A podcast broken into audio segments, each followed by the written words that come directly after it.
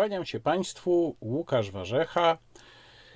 Dziś, jak zwykle, dużo spraw, które się zebrały w ciągu tygodnia od publikacji ostatniego wideobloga. Od razu wyjaśniam, ponieważ takie głosy się pojawiają, że nie zamierzam zmieniać formy tych spotkań z Państwem, to znaczy one nadal pozostaną wielotematyczne, łącznie z tematami kulturalnymi i nadal pozostaną długie. Jeżeli nie mają Państwo czasu, żeby oglądać lub słuchać godziny mojego wywodu, co ja bardzo dobrze rozumiem, to zachęcam do korzystania z podcastów, które pojawiają się w serwisie SoundCloud. Zachęcam też do tego, żeby korzystać z rozdziałów, które wstawiam do każdego wideobloga, więc bardzo wygodnie jest sobie po pierwsze znaleźć to, co Państwa interesuje. Rozumiem, że nie wszystkich wszystkie tematy interesują a także można oczywiście na YouTubie wracać sobie w dowolnym momencie i rozpoczynać oglądanie od tego miejsca, gdzie się je poprzednio przerwało. Dzisiaj będzie na początek, ze względów poniekąd oczywistych, o prawach autorskich, będzie o szczepieniach, będzie o konkluzjach Rady Europejskiej i będzie kilka zapowiedzi już niezwiązanych z polityką, zapowiedzi i omówień na koniec, łącznie z tematem no, wybitnie kulturalnym, muzycznym na samym końcu, zwłaszcza dla wielbicieli muzyki dawnej. Przede wszystkim chciałbym Państwa zachęcić do tego, żebyście Państwo czytali po pierwsze opisy moich filmów, po drugie, żebyście Państwo zaglądali na kartę społeczność, ponieważ jeżeli pojawiają się jakiekolwiek problemy czy jakiekolwiek wątpliwości z wideoblogami, to tam znajdą Państwo wyjaśnienia. I jeżeli wielu z Państwa, zaskakująco wielu, zauważało, że dwa poprzednie wideoblogi, panie redaktorze, to jest to samo, powtórzył Pan, wstawił Pan kilka dni po pierwszym drugi identyczny, no to wynika to właśnie z tego, że nie przeczytali Państwo karty społeczność, gdzie ta sytuacja była zwięźle wyjaśniona. Ale ja ją Państwu muszę, czuję się w obowiązku objaśnić szerzej, szczególnie, że jest to temat. O co tutaj mianowicie chodziło? Otóż, jak Państwo wiedzą, ja staram się swoje filmy uatrakcyjniać. To nie jest tylko tak, że cały czas, całą godzinę patrzą na mnie Państwo, na moją gadającą głowę, ewentualnie z dzwoneczkiem, ale jest to tak, że ja próbuję spowodować, żeby ten film był ciekawszy poprzez wrzucanie przede wszystkim zrzutów ekranów, które ilustrują to, co mówię, ale też czasem fragmentów jakichś filmów na zasadzie ich omówienia albo na zasadzie komentarza. I tak właśnie w poprzednim wideoblogu zrobiłem, mianowicie znalazły się tam dwa fragmenty z filmów Stanisława Barei, którego uważam za absolutnego geniusza, ponieważ y, mm, w filmie mało kto tak dobrze opisał cechy, które Wszyscy myśleli, że były cechami PRL-u, a okazało się, że one są cechami Polski i Polaków w ogóle, bo Bareja wiecznie żywy, proszę Państwa, i cały czas aktualny. Otóż wstawiłem tam fragmenty z filmu Co mi zrobisz, jak mnie złapiesz, i chwilę później z filmu Nie ma róży bez ognia. Film, wideoblog e, ponadgodzinny znalazł się w serwisie e, i nie było problemów przez trzy dni. Po trzech dniach pojawiła się informacja, że po wyniku ręcznego sprawdzenia, tak zostało to ujęte w e-mailu, który dostałem z automatu YouTube'owego, w wyniku ręcznego sprawdzenia zgłosił się właściciel praw autorskich, którym jest studio filmowe kadr i ten właściciel praw autorskich zakwestionował, proszę Państwa, fragment z Co mi zrobisz, jak mnie złapiesz. Fragment 30-sekundowy. I na podstawie tego zgłoszenia dotyczącego 30-sekundowego fragmentu został zablokowany cały wideoblog. Nie mogliście go Państwo oglądać. Ja skorzystałem z automatycznego narzędzia YouTube'a, które pozwala taki zakwestionowany kawałek wyciąć, ale wtedy film trafia do obróbki przez algorytmy YouTube'a, którego ponownie ustawiają tak, żeby mógł się pojawić na kanale. I niestety nikt nie jest w stanie dojść, dlaczego niektóre filmy zawieszają się na tym etapie. W przypadku innych to trwa bardzo szybko, w przypadku innych trwa to kilka godzin. W każdym razie w tym przypadku trwało to niesamowicie długo, w związku z czym ja wziąłem materiał tego wideobloga. Obrobiłem go sam, wycinając oba te cytaty filmowe z Barei, na wszelki wypadek oba, i ponownie wrzuciłem na YouTube'a. I ten właśnie film, pozbawiony już tych dwóch cytatów, pojawił się jako drugi. Jak Państwo spojrzą uważnie, to pomiędzy tymi dwoma e, filmami jest różnica 30 sekund. No bo dokładnie oba te cytaty filmowe miały w sumie minutę. Kiedy wreszcie po 14 godzinach YouTube obrobił ten automatyczny, automatycznie obrabiany film, z którego wypadł tylko jeden fragment, no to różnica pomiędzy tymi dwoma filmami w oczywisty sposób wynosiła 30 sekund. No ale sprawa jednak wymaga omówienia, bo proszę mi powiedzieć, proszę mi wyjaśnić, na czym właściwie ma polegać ta straszna zbrodnia naruszenia praw autorskich, jeżeli na zasadzie filmowego cytatu skorzystałem z 30-sekundowego fragmentu filmu, który spokojnie można nazwać kultowym. Jaką mianowicie szkodę poniosło studio filmowe kadr i co spowodowało, że ktoś gorliwy, no bo przecież ktoś tam musiał ten fragment ręcznie znaleźć. Studio filmowe kadr nie ma komputerów, które przeczesują za pomocą algorytmów całego YouTube'a przez cały czas. Co spowodowało, że ten ktoś uznał, że ma prawo, może zażądać od YouTube'a całkowitego zablokowania tego komentarza. Nie chcę się tu doszukiwać jakichś teorii spiskowych, że ktoś celowo tam doniósł komuś, że ktoś to celowo zrobił, ale sam ten mechanizm, który pozwala na YouTubie zablokować film na podstawie 30-sekundowego fragmentu, jest po prostu absurdalny. Nie ma to nic wspólnego z ochroną praw autorskich. Mało tego, jeżeli by pomyśleć logicznie, to można by dojść do wniosku, że Filmy Barei akurat robią się chyba coraz mniej popularne. Z różnych powodów. Y, moje pokolenie zna je znakomicie. Dla mojego pokolenia to mogą być filmy kultowe, ale już dla pokolenia naszych dzieci Niekoniecznie. Więc jeżeli tego typu cytaty pojawiają się gdzieś po 30 sekund, po minucie, no to raczej należałoby się spodziewać, że efektem tego będzie poszukiwanie tych filmów w całości. Że ktoś kupi płytę, że ktoś będzie tego szukał mm, w serwisie VOD.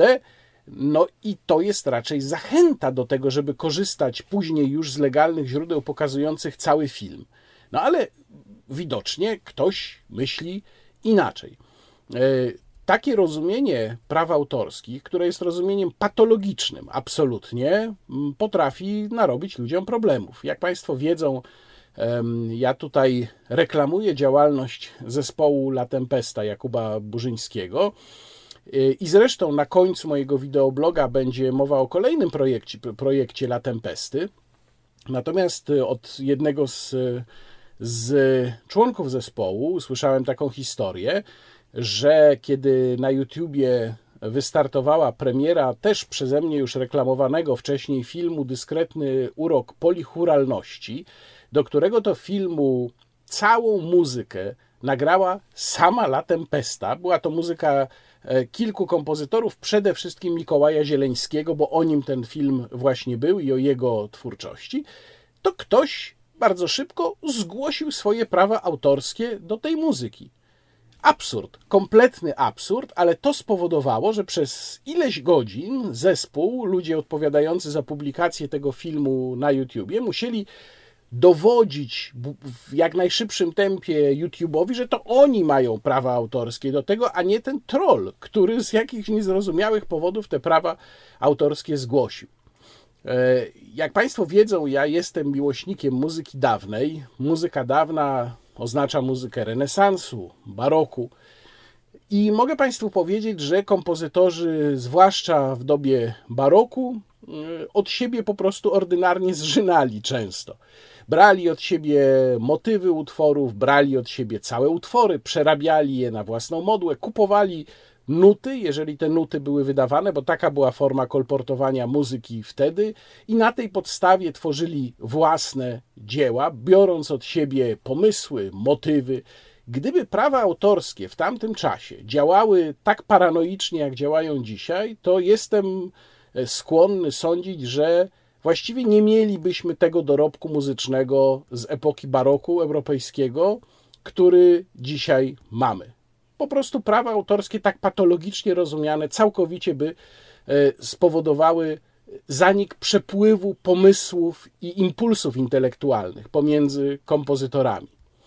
Więc to, y, o czym ja teraz mówię, to nie jest żadna ochrona praw autorskich. To jest jakiś absurd, to jest jakaś paranoja, w którą y, wszyscy gładko weszli, korzystają, niektórzy korzystają z tych mechanizmów. No mnie to zmusza do tego, żeby ograniczyć tego typu niestety upiększenia w moich filmach, więc będą Państwo znajdowali głównie albo takie źródła, co do których y, mam pewność, że nikt mi roszczenia nie zgłosi, czyli mówiąc w cudzysłowie źródła zaprzyjaźnione, no albo jedynie jakieś zrzuty ekranów. Niestety z upiększaczy typu cytaty filmowe z Barei muszę zrezygnować, żeby uniknąć w przyszłości podobnych e, historii. E, jeżeli ktoś by sądził, że takie zgłoszenie roszczenia o naruszenie praw autorskich jest uzasadnione tym, że bez tych cytatów mój wideoblog by miał mniej odtworzeń, albo połowę odtworzeń, albo jedną trzecią tego, co ma, no to oczywiście jest idiotą.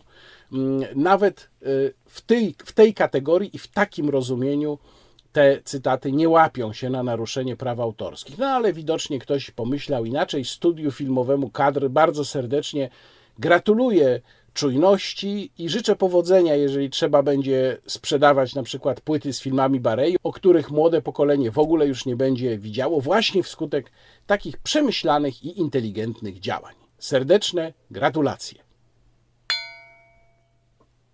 Przechodzimy do omówienia bardzo obszernego tematu którym są szczepionki. Oczywiście nie mówię o tym po raz pierwszy, ale w mijającym tygodniu, w tygodniu, który upłynął od poprzedniego wideobloga, wydarzyło się akurat w tej sprawie dosyć dużo.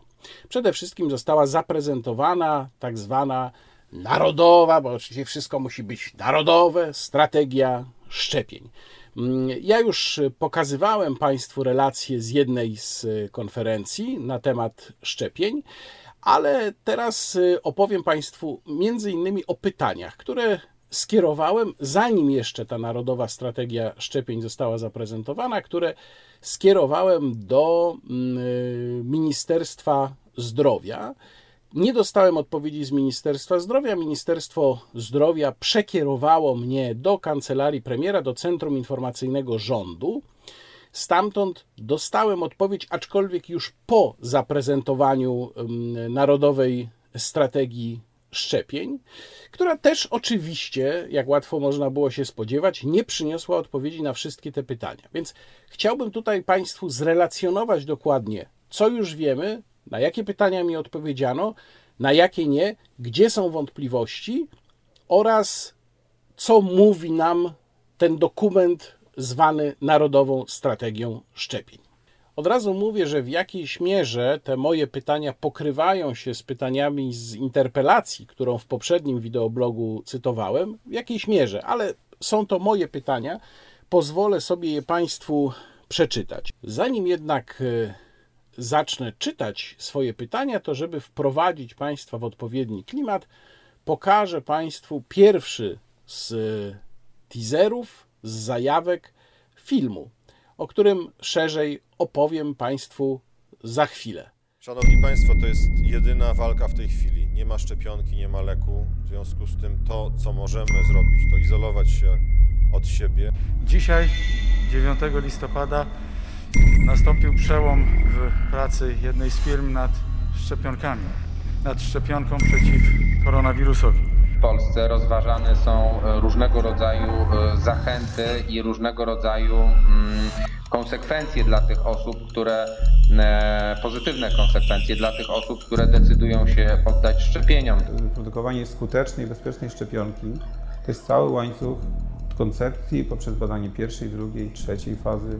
To trwa lata. Badania skuteczności i bezpieczeństwa leków trwają lata, długie lata. Po drugie, wirus się bardzo szybko zmienia antygenowo. Sektor farmaceutyczny prowadzi tutaj bardzo agresywny y, lobbying. My ulegniemy złudnemu poczuciu bezpieczeństwa, bo zostaniemy zaszczepieni przeciwko y, chorobie, która dla większości z nas nie stanowi zagrożenia, y, substancją niewystarczająco zbadaną.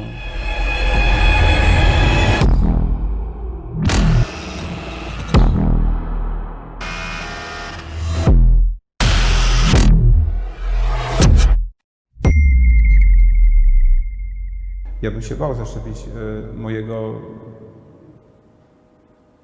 czteroletniego synka czy moją córkę szczepionką, która nie wiemy, czy jest bezpieczna przede wszystkim.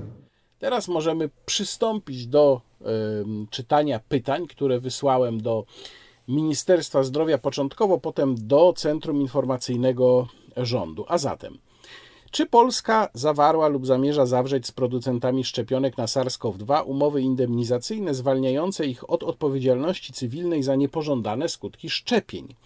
w jaki sposób takie umowy zostaną umieszczone w reżimie polskiego prawa cywilnego. Czy w związku z nimi, jeśli zostały zawarte lub są planowane, planowane są zmiany w kodeksie cywilnym. I drugie pytanie z tym się łączące. Polska nie posiada funduszu na rzecz osób z niepożądanymi odczynami poszczepiennymi. Czy w związku z akcją masowych szczepień na SARS-CoV-2 jest w planach stworzenie takiego funduszu? W jakiej wysokości i na jakich zasadach. Tu dorzucę jeszcze, że bardzo ciekawa informacja pojawiła się w dzienniku Gazecie Prawnej, gdzie autorki tekstu napisały, że rząd zdaje sobie sprawę z potrzeby powołania takiego funduszu. Nawiasem mówiąc, taki projekt już kilka lat temu, już zarządów PiS był, ale przepadł. E, ale e, projekt się rozbija w tej chwili o dwie rzeczy. To znaczy, po pierwsze, o opór firm farmaceutycznych przeciwko temu, żeby one miały być wyłącznym fundatorem tej puli pieniędzy i po drugie, i to jest, no, jeśli można tak powiedzieć, zabawne, rząd nie chce stwarzać takiego funduszu teraz, ponieważ obawia się, że gdyby go stworzył, to Polacy się przestraszą, że taki fundusz jest, no więc lepiej go nie tworzyć, żeby Polaków nie przestraszać. Y, czytam, co odpowiedziało mi Centrum Informacyjne Rządu. Umowy zawierane na poziomie Unii Europejskiej zawierają klauzule indemnizacyjne. Notabene każdy inny kraj spoza UE zawierający umowę na zakup szczepionek podpisuje obecnie taką klauzulę. Nie planujemy zmian w kodeksie cywilnym, a ewentualna odpowiedzialność z tytułu wystąpienia NOP ponoszona będzie na zasadach ogólnych. Co to znaczy na zasadach ogólnych? Ano znaczy to tyle, że jak się pojawi u kogoś NOP, to może się z tym NOPem iść do sądu cywilnego i tam pozywać producenta szczepionki, jak rozumiem, no bo nie bardzo rozumiem, jakie znaczenie ma mieć klauzula indemnizacyjna, skoro nie będzie zmian w kodeksie cywilnym. No to znaczy, że, że, że ona ma na jakiej zasadzie obowiązywać.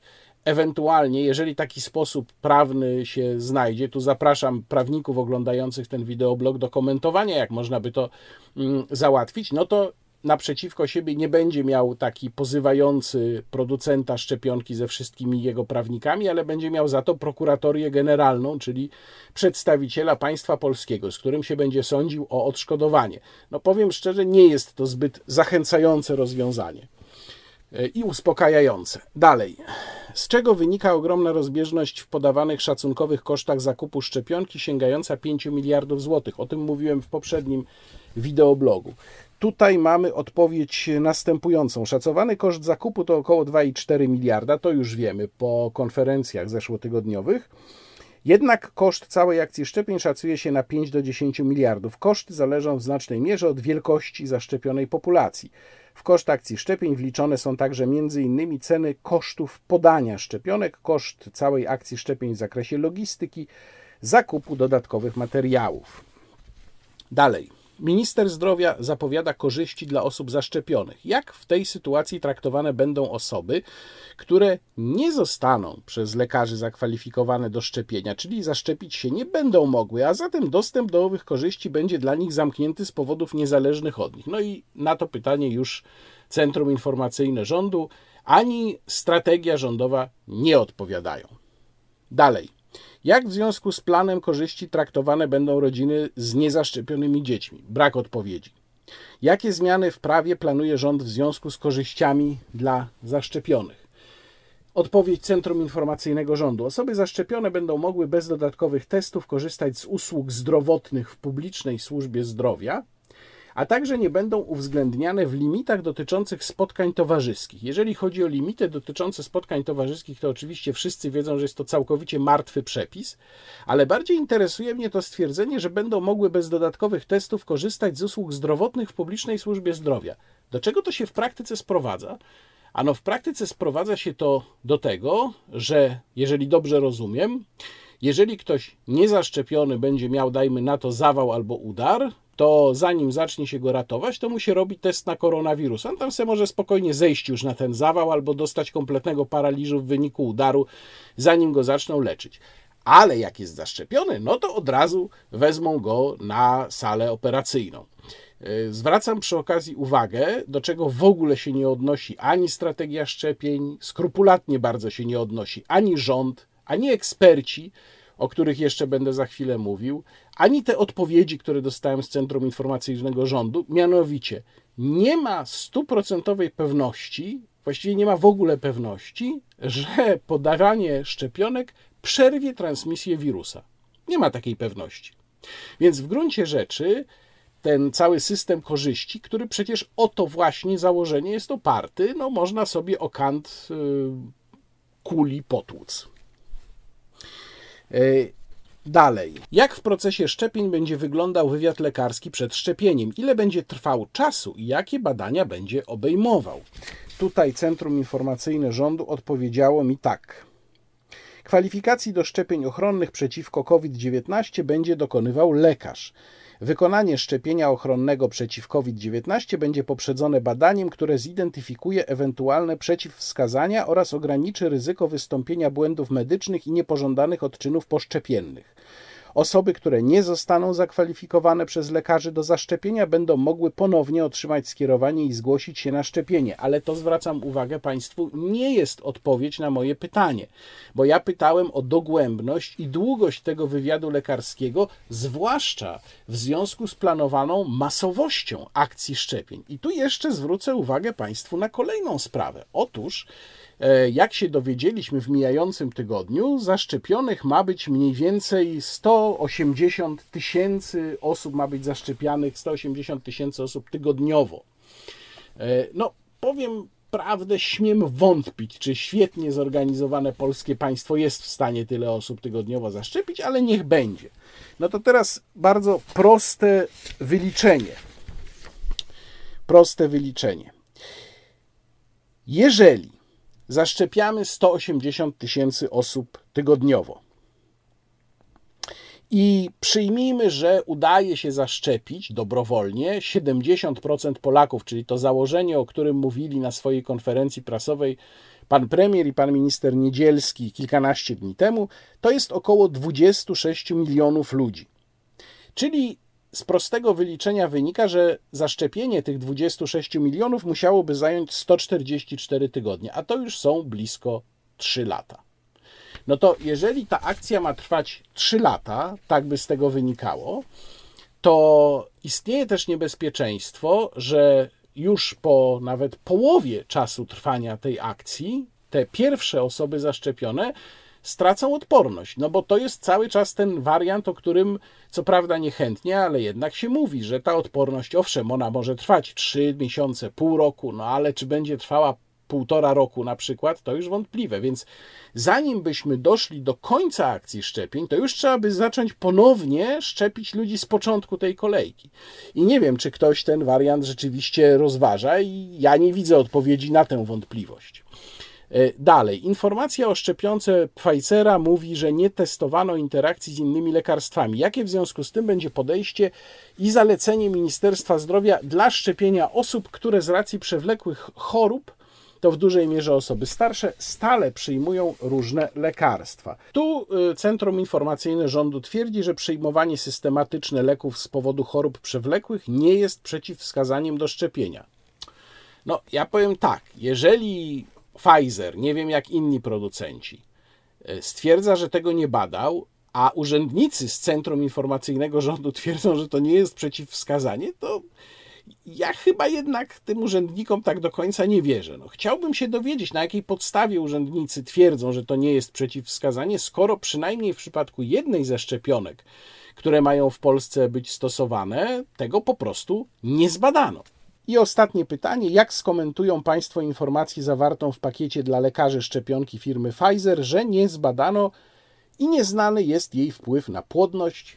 Odpowiedzi brak. Oczywiście Centrum Informacyjne Rządu przekierowało mnie również do strategii szczepień, Narodowej Strategii Szczepień. Narodowa Strategia Szczepień, dokument, który mogą Państwo znaleźć w internecie. I ten dokument, no cóż, on nam tak naprawdę nie daje, on nie daje odpowiedzi ani na te pytania, o które tu sygnalizowałem, że bez odpowiedzi pozostały z Centrum Informacyjnego Rządu. Tam Państwo nie znajdą takiej odpowiedzi. On y, informuje nas o dwóch konkretnych rzeczach.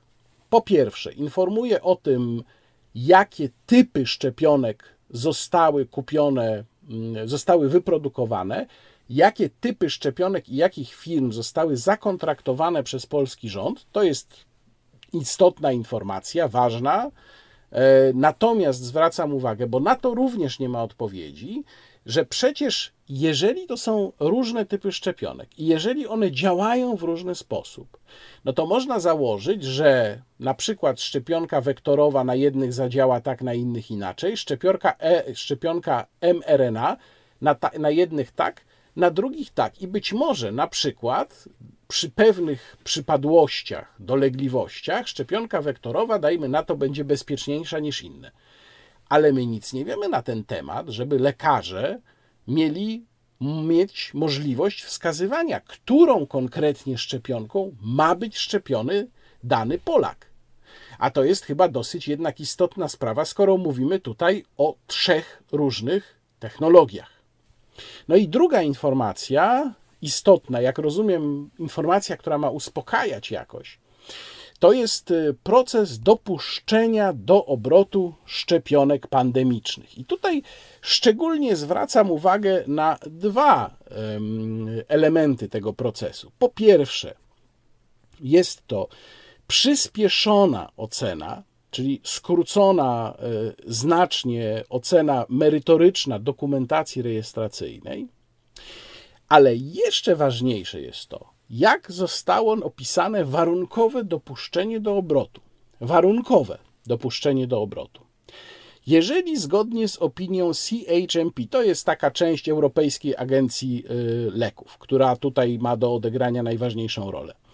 Y, między innymi stosunek korzyści do ryzyka jest pozytywny oraz korzyści dla zdrowia publicznego wynikające z natychmiastowej dostępności produktu leczniczego na rynku przeważają nad ryzykiem wynikającym z potrzeby uzyskania dalszych danych, może zostać przyznane pozwolenie warunkowe. Co nam to tak naprawdę mówi?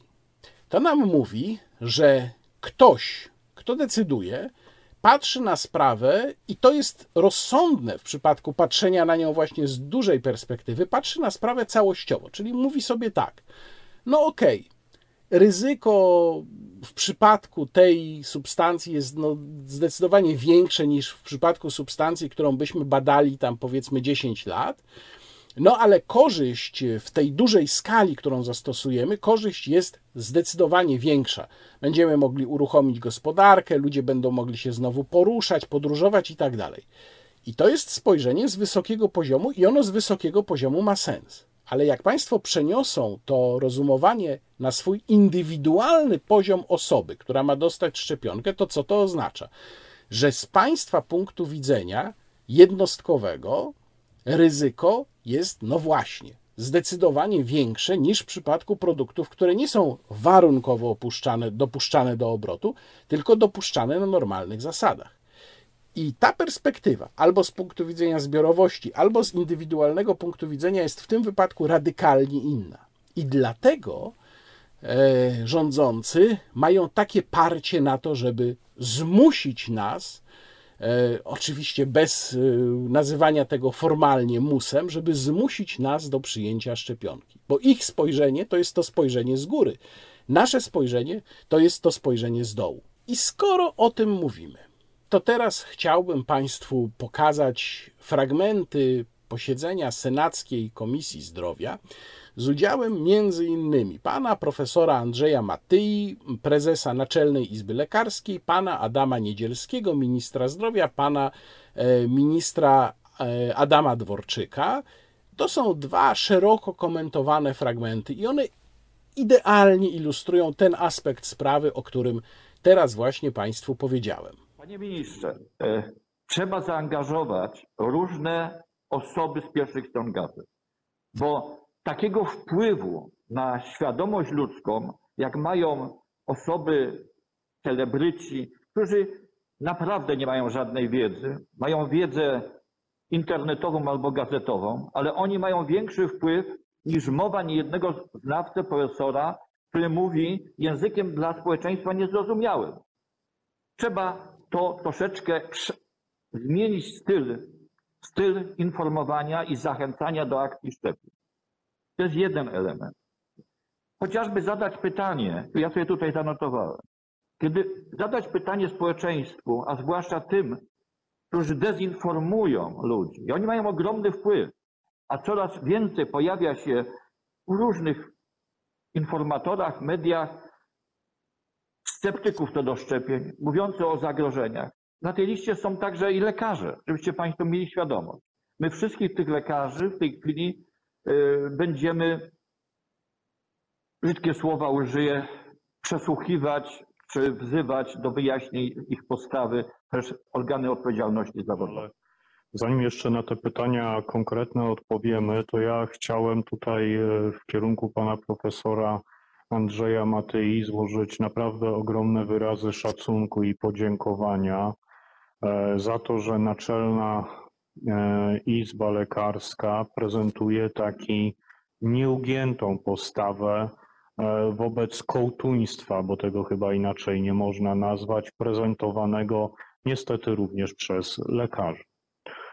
To kołtuństwo trzeba interpretować tak jak pierwotne znaczenie tego słowa, czyli wiarę w przesądy i zabobony, e, która niestety przebija z różnych poglądów prezentowanych e, w internecie i dbałością o standard zawodowy jest dokładnie to, co robi Izba Lekarska, czyli wyciąganie takich wypowiedzi i negowanie bo to jest też również pewien standard bezpieczeństwa pacjenta, żeby takie poglądy, takie e, punkty widzenia nie wypełniały e, pewnej próżni, która e, powstaje na skutek braku edukacji, o którym mówiła pani przewodnicząca. Proszę ewentualnie jeszcze raz sobie posłuchać tego, co mówią panowie Matyja i Niedzielski. Otóż pan profesor Matyja mówi ni mniej, ni więcej, że to niedobrze jest, że lekarze mówią o zagrożeniach. Dokładnie tak brzmi jego wypowiedź. I że on tych lekarzy będzie tutaj w Nilu przesłuchiwał. No już pomijam mm, totalniacki wydźwięk tych słów. Ale samo stwierdzenie, że niedobrze jest, że lekarze mówią o zagrożeniach. No, czy ktokolwiek mówi o zagrożeniach, ja na przykład, już pokazuje, że mamy do czynienia z jakimś bardzo niebezpiecznym podejściem do tej sprawy. No, potem wypowiedź pana ministra Niedzielskiego, który gratuluje panu profesorowi, że nie przesłuchiwał tych lekarzy. No może jeszcze by mu y, y, kupił z budżetu państwa kilkadziesiąt lampek do przesłuchań, takich, co to w oczy się świeci, prawda? No, ta wypowiedź pana ministra jest absolutnie skandaliczna, no ale to chyba wszyscy, którzy jej słuchali, y, rozumieją. Natomiast pan minister tam mówi jeszcze jedną taką rzecz. Otóż mówi, że żeby takie poglądy nie wypełniały pewnej próżni, która, jak pani przewodnicząca zauważyła, wynika z braku edukacji. No nie, panie ministrze, ta próżnia nie wynika z braku edukacji. Ta próżnia wynika z braku informacji. A tej informacji powinniście udzielić wy. I przed chwilą podałem przykłady pytań, na które odpowiedzi nadal nie ma. No i zobaczymy, czy ona się pojawi. Więc ja bym jednak, panie ministrze, proponował, żeby pan zaczął udzielać odpowiedzi na pytania, to wtedy nie będzie tej próżni, o której pan wspomina. No i jeszcze jedną rzecz Państwu chcę pokazać, a mianowicie chcę pokazać Państwu fragmenty takiego publicznie dostępnego, zdalnego spotkania pana prezydenta ze swoimi ekspertami na temat szczepień. Tam ci eksperci to pan y, doktor Pinkas, y, do niedawna główny inspektor sanitarny, pan profesor Andrzej Horban i oczywiście niezastąpiony profesor Simon. To jest nawiasem mówiąc też ciekawe, bo ile mm, rozumiem, że tam jest Jarosław Pinkas, chociaż on już nie pełni funkcji. Rozumiem, że jest profesor Horban, no bo jest przewodniczącym tej rady, ale dlaczego spośród wszystkich lekarzy, którzy wypowiadają się na ten temat, pan prezydent bierze sobie do takiej dyskusji TVN-owskiego celebrytę, który sieje panikę od samego początku, to tego przyznam nie rozumiem. Ale w trakcie tej dyskusji padło kilka bardzo interesujących wypowiedzi mm, i to głównie właśnie ze strony pana profesora Simona. E, bardzo dziękuję tutaj jednemu z moich e, obserwujących mnie na Twitterze, panu doktorowi Mikołajowi Kamińskiemu, którego profil, nawiasem mówiąc, Państwu mm, polecam i znajdą Państwo link do tego profilu w opisie filmu. Pan doktor bardzo ciekawe rzeczy mm, publikuje i bardzo dokładnie obserwuję dyskusję wokół epidemii i wokół szczepionek, to dzięki niemu wyłapałem te fragmenty z godzinnego spotkania. Faktycznie jest y, często tak, że moi obserwujący czy mm, moi odbiorcy podsuwają mi różne interesujące mm, tropy. To naprawdę bardzo pomaga i bardzo za to dziękuję. No więc zobaczcie Państwo te kilka ciekawych wypowiedzi, głównie właśnie pana profesora Simona, które padły podczas tego spotkania. Każdy po 60 coś ma, no nie ma zdrowych ludzi, są niezdiagnozowani, co to dużo mówić. I jeśli puścimy to na żywioł, prawda, bez leczenia, bo leczenie dość marne, głównym lekiem jest tlen, co tu dużo mówić, to teoretycznie umarłoby 450 tysięcy ludzi. Na to nie możemy, to jest druga wojna światowa. Oczywiście tyle nie umrze, bo stosujemy i tak dalej. Ale z każdą szczepionką są wątpliwości, bo mamy te ruchy covidowe, negatywizację wszystkiego, prawda, takie postawy, no, no wszystkie, wszystkie mamy. Ja mówię tylko o tej sweci medycznej. Jest cała grupa ludzi w Polsce, około biliona, kto się w ogóle na nic nie może szczepić i tak dalej, dlatego że ma immunosupresję, różne inne choroby jako takie i żyje, że pan w otoczce wszystkich tych wyszczepił. I to jest jeden argument. Drugim argumentem jest to, że rzeczywiście większość zakażonych COVID-em w ogóle nie rozwinie żadnej choroby, nawet nie mierzy ma dolegliwości. To są incydentalne sprawy po tych ludzi poniżej 40 lat i młodych ludzi i dzieci jako takich. To oni mówią, po co ja mam się szczepić, na co wszystko nie choruje. Ale tu zanika to, o co wszyscy walczyliśmy, solidarność społeczną no zaszczepisz się, żeby nie przenieść na ojca, dziadkę i pozostałych nie pozarażać, gdzie ta choroba może być, przebiegać ciężko i śmiertelnie. I o to chodzi, żeby tą populację zaszczepić i przekonać. Ale 40% społeczeństwa czy więcej nie będzie się chciało szczepić, bo oni nie zachorują. To są incydentalne, tragiczne przypadki. Oni mi tu umierają oczywiście, i profesor Orbana. Ale no, teoretycznie to się zdarza w każdej chorobie. Przeziębienie też może być śmiertelne nagle, bo ktoś się wysłoni nadkażenie bakteryjne i zginie. A już w niektórych szpitalach 20% ludzi się zakaziło, być może w społeczeństwie też, prawda? Więc ta grupa by odpadła w ogóle ze szczepień. Ale tak mamy do 23% szpitala łącznie ze zgonami. Ja sam miałem ciężką grypę, kiedyś zapaleniem płuc i sam mam wstrząsie po grypy. Dostałem wstrząsu po jednej szczepieniu. Jako były prezes zakaźników, oczywiście dostawałem szczepionki. No lepiej taniej za darmo niż gdzieś kupować. No skutek był taki, że, że dostałem wstrząsu. Teraz się szczepię. Zakłuty, dwie pielęgniarki i patrzę godzinę, co się będą ze mną dzieje, ale szczepię się co, co rok, żeby nie, nie mieć jakiejś takiej katastrofy zdrowotnej typu zapalenie mięśnia, zapalenie śródbioszowe. Nie żyjemy dla siebie, żyjemy także dla innych, dla tych, którzy są słabi. E, to nie leży w polskiej naturze, żeby tak do tego podchodzić. Mamy zrobić wszystko, żebyśmy byli zaszczepieni i żeby ci najsłabsi byli zabezpieczeni. E, nie możemy być egoistami w tym kontekście to jest nasz obowiązek, żeby się zaszczepić. I tu w szczególności chciałbym Państwu zwrócić uwagę na to, co mówi na koniec e, dr Pinkas. Mówi, nie żyjemy dla siebie, tylko wyciąga z tego potem wniosek, o którym ja już kiedyś Państwu mówiłem, wspominając w jednym z wydań wideobloga o konkluzjach francuskich filozofów, francuskich intelektualistów, którzy zaczęli wskazywać, że nastąpiło jakieś odwrócenie hierarchii Jarosław Pinkas mówi: Nie żyjemy dla siebie, ale jakby nie wyciąga z tego żadnego wniosku, bo w istocie cały wysiłek został skierowany na to, żeby odebrać ludziom wszystko, co czyni życie atrakcyjnym, tylko po to, żeby przetrwali, a także, żeby przetrwali e, starsi. No i właśnie tutaj odsyłam Państwa do bloga, e, wideobloga, w którym mówiłem o mm, sprawie, mm, o tym, jak komentują francuscy intelektualiści tę epidemię i strategię, która odwraca hierarchię, bo zawsze starsi poświęcali się dla młodszych, tym razem ma być odwrotnie. Więc ja bym doktorowi Pinkasowi, którego mam przyjemność osobiście znać, polecał jednak, żeby się bardziej zastanowił nad swoimi słowami. Co to znaczy, nie żyjemy tylko dla siebie, bo w tej chwili rzeczywiście cała strategia walki z epidemią jest sprowadzona właśnie do tego, że tak, że żyjemy dla siebie, tylko po to, żeby przetrwać, dla samego przetrwania.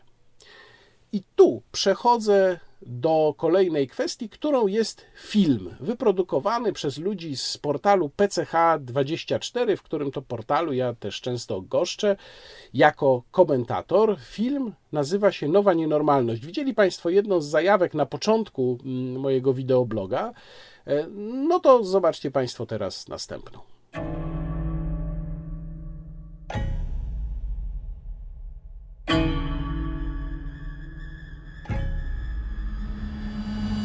Księża zamknęli się za murami, odgrodzili od wiernych i niestety taki przykład wyszedł też z Rzymu. Zamknijcie kościoły. Kościoły są rozsadnikami zarazy, ludzie się będą spotykać, są tam starsi ludzie. Kościół uznał, albo tak się zachowywał, nawet jeśli tak nie deklarował, jakby jedynym elementem wyznaczającym jego funkcjonowanie jest troska o życie doczesne.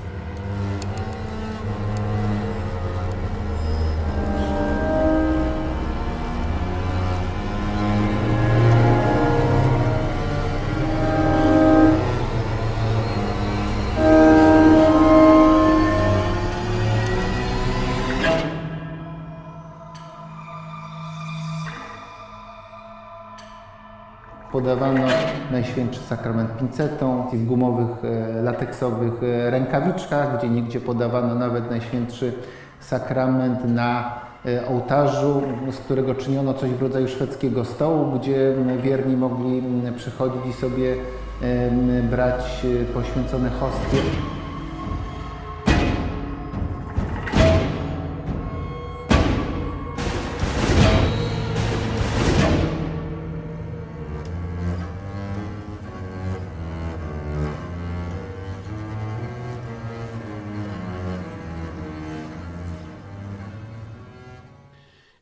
Można zobaczyć pod adresem, który oczywiście również w opisie tego e, filmu Państwo znajdą. E, I tam, są, tam jest dużo bardzo interesujących wypowiedzi i komentarzy w tym filmie. Ja bym zwrócił uwagę na dwa wątki. Jeden z nich to jest ten, który Państwo mogli zobaczyć właśnie w tej zajawce przed chwilą obejrzanej. To jest wątek kościoła, zachowania kościoła. Bardzo ciekawie na ten temat mówią w filmie Nowa Nienormalność e, Paweł Lisicki, e, Grzegorz Górny między innymi. E, mówią o tym, jak inaczej Kościół zachowywał się w czasie zaraz, w czasach minionych, czy to w średniowieczu, czy później w wieku XVII, a jak inaczej zachowuje się teraz. Jak teraz wycofał się całkowicie i poniekąd dał się steroryzować. Również do tego stopnia, że przypadki niesienia pomocy, czy to fizycznej, czy duchowej, stały się jakimiś ewenementami. E, a drugi interesujący w tym filmie wątek to są kwestie psychologiczne, to są kwestie oddziaływania na przykład na dzieci tego, co się dzieje. Tam jest taka bardzo interesująca wypowiedź pani psycholog. Nie będę jej tutaj Państwu oczywiście pokazywał, bo chodzi o to, żebyście Państwo zobaczyli cały film. Ale nawiązując do tego, co mówił Jarosław Pinkas, mam wrażenie, że rządzący kompletnie nie zdają sobie sprawy z tego, jakie będą konsekwencje społeczne sytuacji, którą narzucili. Proszę Państwa, my mamy już w tej chwili właściwie połowę grudnia. Żyjemy znów od dwóch miesięcy w sytuacji no, faktycznego lockdownu. To znaczy, ci, którzy mają szczęście, to kursują tylko praca, dom, praca, dom. Spotkania towarzyskie niemalże ustały, no chyba, że ktoś jest bardzo zdeterminowany.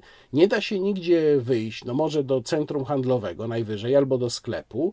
To jest obcięcie całej ogromnej części relacji społecznych, które budują w ogóle społeczeństwo i relacje międzyludzkie. Na dzieci to będzie miało oczywiście wyjątkowo fatalny wpływ. Zachęcam Państwa do obejrzenia całości filmu Nowa Nienormalność. Ja również tam swoją skromną rolę z paroma komentarzami w tym filmie odgrywam. No to teraz przechodzimy do tematu czysto politycznego, czyli kwestii wyników szczytu Rady Europejskiej. Rzecz sprowadza się przede wszystkim do ustalenia, czy konkluzje, które dopełniają rozporządzenie o które się wszystko rozbijało, rozporządzenie, które umożliwiało uruchomienie, czy umożliwia uruchomienie procedury odbierającej fundusze europejskie w przypadku naruszenia praworządności, czy te konkluzje są dla nas gwarancją, czy nie są. Najpierw zacząłbym od przeczytania Państwu przynajmniej najważniejszych punktów z tych konkluzji, no bo warto, warto wiedzieć o czym mówimy. Czytamy zatem w tym dokumencie między innymi tak. Rada Europejska zgadza się co do następujących kwestii. Na wszelki wypadek przypominam tylko, bo wiem, że to też niektórym z Państwa się myli.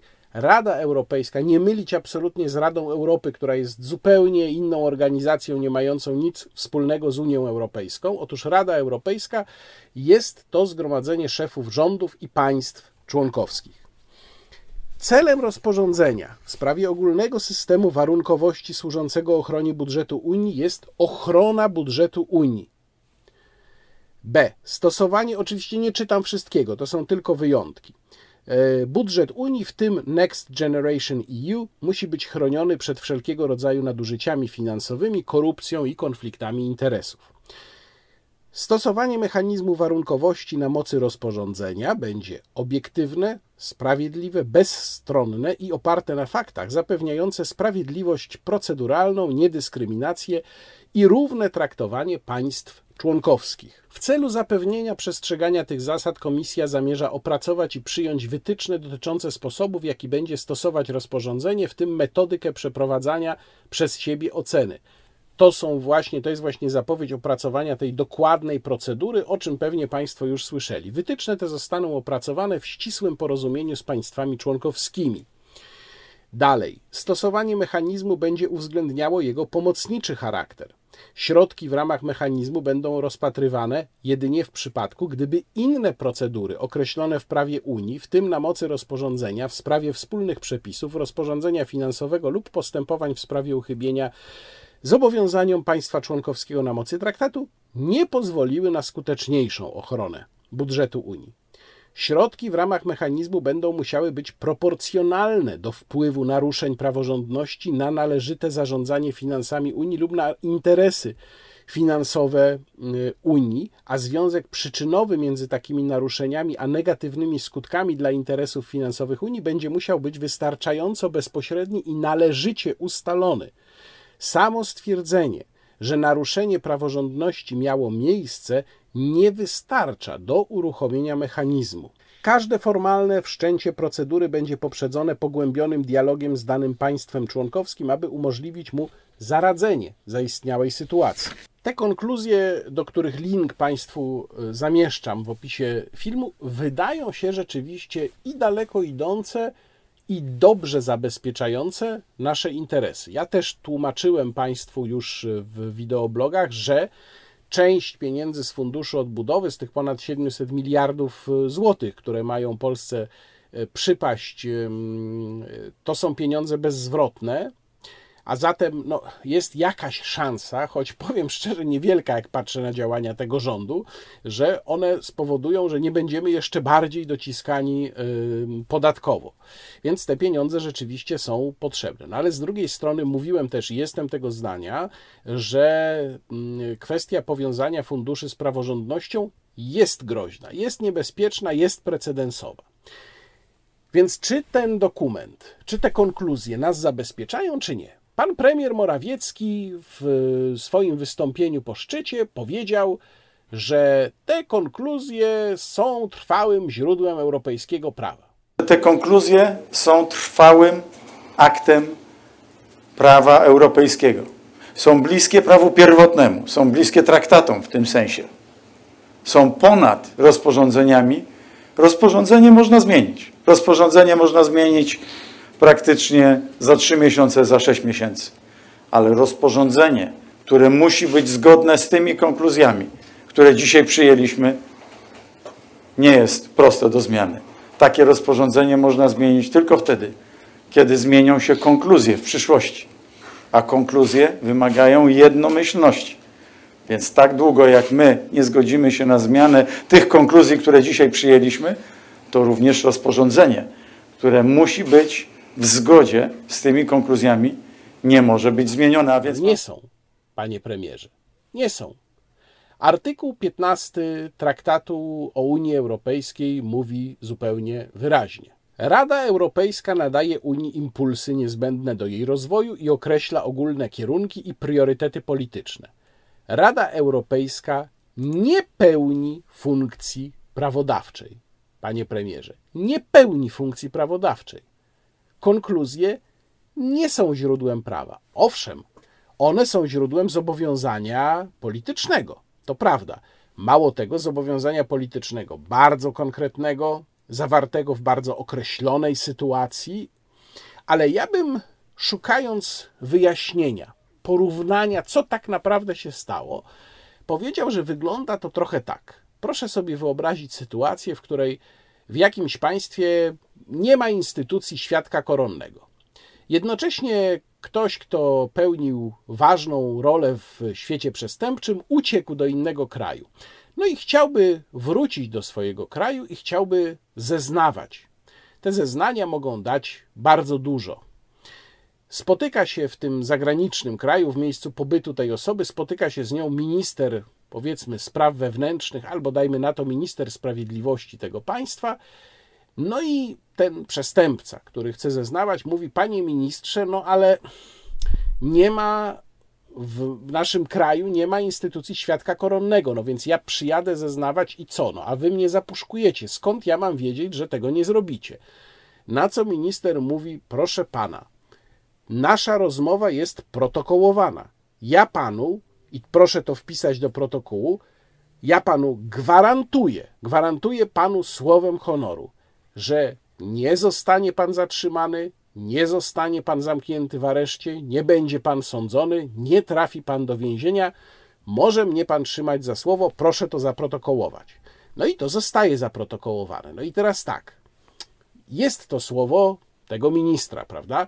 Można założyć, że skoro ono trafiło do protokołu spotkania, to przynajmniej póki ten człowiek jest ministrem, no to rzeczywiście nic się takiemu świadkowi nie stanie ale przecież ten człowiek niekoniecznie zawsze będzie ministrem. W ogóle władza może się zmienić. I co wtedy?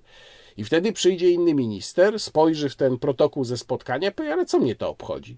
To panu obiecywał tamten minister. Ja jestem innym ministrem. Proszę bardzo, zatrzymujemy tego pana. I to jest trochę taka sytuacja z tymi konkluzjami. One owszem są bardzo konkretne, one owszem stanowią polityczne zobowiązanie, owszem one precyzują rozporządzenie, wszystko to zgoda. Ale są to tylko konkluzje ze szczytu Rady Europejskiej. To jest wciąż tylko deklaracja polityczna, nie jest to źródło prawa.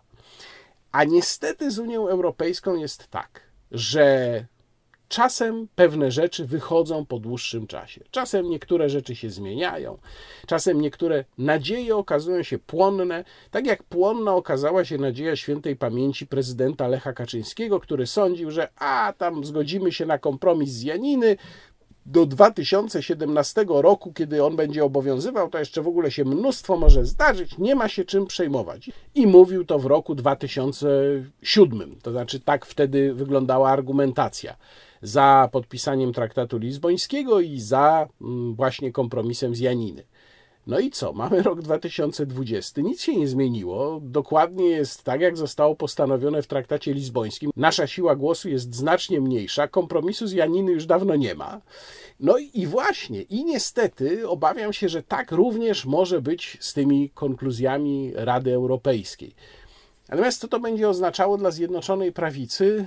No, ja nie sądzę, żeby Zbigniew Ziobro zdecydował się na wyjście z koalicji. Mm, myślę, że będzie mocno w grze wariant z zastąpieniem, ewentualnym zastąpieniem Zbigniewa Ziobry PSL-em. To jest coś, o czym już Jarosław Gowin przecież e, zaczął mówić zupełnie otwarcie który miał w tej sprawie stanowisko odmienne niż stanowisko Zbigniewa Ziobry.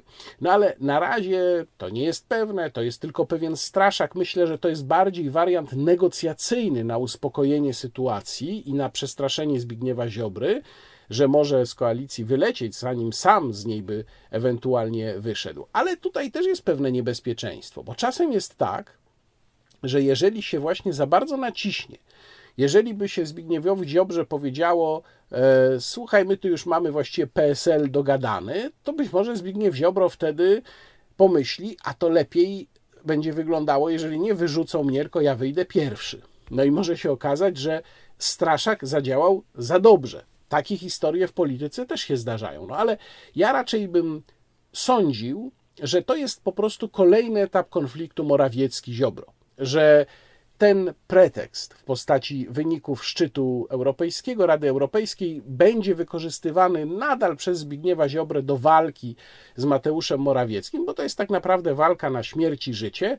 Natomiast, że Zbigniew Ziobro wciąż w koalicji będzie pozostawał. A też proszę nie zapominać, że tam jest druga sprawa, na którą się zgodziliśmy, czyli kolejne już podwyższenie celów w polityce klimatycznej Unii Europejskiej. To jest, nawiasem mówiąc, zupełnie jeszcze odrębny temat. Przypominam, y, podwyższenie celów polityki klimatycznej y, w związku z czym nas będzie to kosztowało, nas mówię, normalnych konsumentów energii, będzie to kosztowało kolejne miliardy złotych. Teraz w ramach przechodzenia z części politycznej do części kulturalnej będą zapowiedzi czy informacje o dwóch czasopismach. Jedno z, z tych czasopism to Brać Łowiecka. Reklamuję Państwu Brać Łowiecką nie tylko dlatego, że szczycę się medalem świętego Huberta, który otrzymałem od warszawskiego oddziału już jakiś czas temu Polskiego Związku Łowieckiego, ale też dlatego, że w tym właśnie numerze Braci Łowieckiej y, znajdą Państwo, ci, którzy to pismo y, kupują, bardzo ciekawe, oczywiście skierowane przede wszystkim do myśliwych, ale też do tych, którzy sami nie polują, a interesuje ich historia łowiectwa, znajdą Państwo po raz pierwszy mój felieton. Felieton Mickiewicz już nie wystarczy. O, tutaj go Państwo, e, tutaj go Państwo widzą.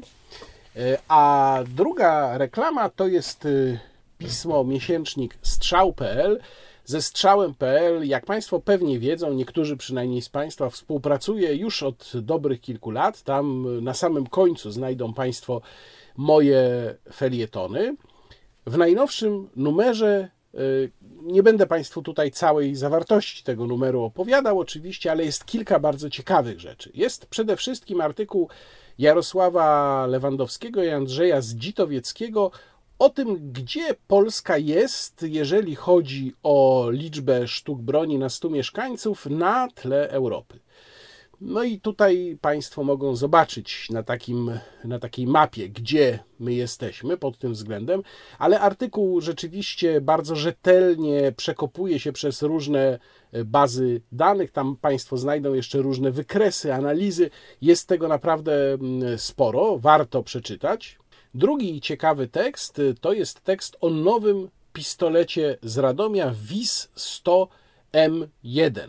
Bardzo interesująca konstrukcja, nie ukrywam, że chętnie sobie z niego postrzelał. Ciekawe w nim jest to i na to zwraca uwagę autor tekstu, że wbrew światowym tendencjom jest to pistolet kurkowy, a nie bezkurkowy. No i wreszcie trzeci tekst, który chciałbym Państwu polecić w tym numerze strzału.pl, to jest artykuł o karabinie maszynowym Vickers Mark I.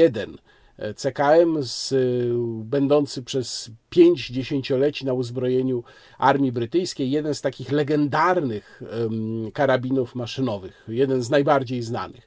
Oczywiście w każdym numerze strzału.pl znajdą Państwo jeszcze dużo innych interesujących tekstów. Bardzo serdecznie polecam. No i wreszcie sprawa ostatnia. Wspominałem wcześniej o tym, że powiem coś jeszcze o nowym projekcie La Tempesty.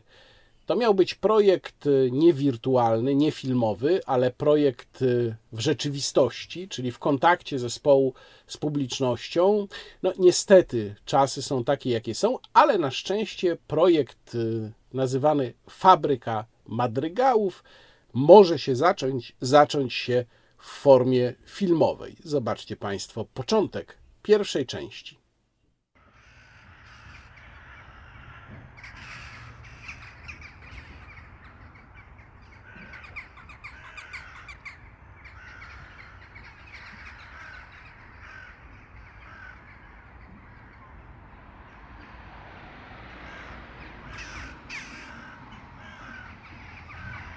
Madrygał Fascynujące zjawisko w historii muzyki jest bytem zarówno powszechnie rozpoznawalnym, jak i enigmatycznym.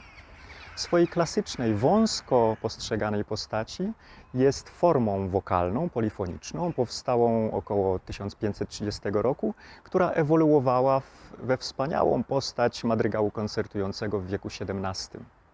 Na tym jednak historia zjawiska madrygału wcale się nie kończy. Madrygał jako zjawisko, madrygał jako idea, madrygał jako inspiracja dla wszelkich twórców muzycznych to promieniowanie na całą historię muzyki aż do dnia dzisiejszego. Nazywam się Jakub Burzyński i w imieniu swoim oraz zespołu La Tempesta chcielibyśmy zaprosić Państwa na muzyczną podróż, na podróż do fabryki madrygału.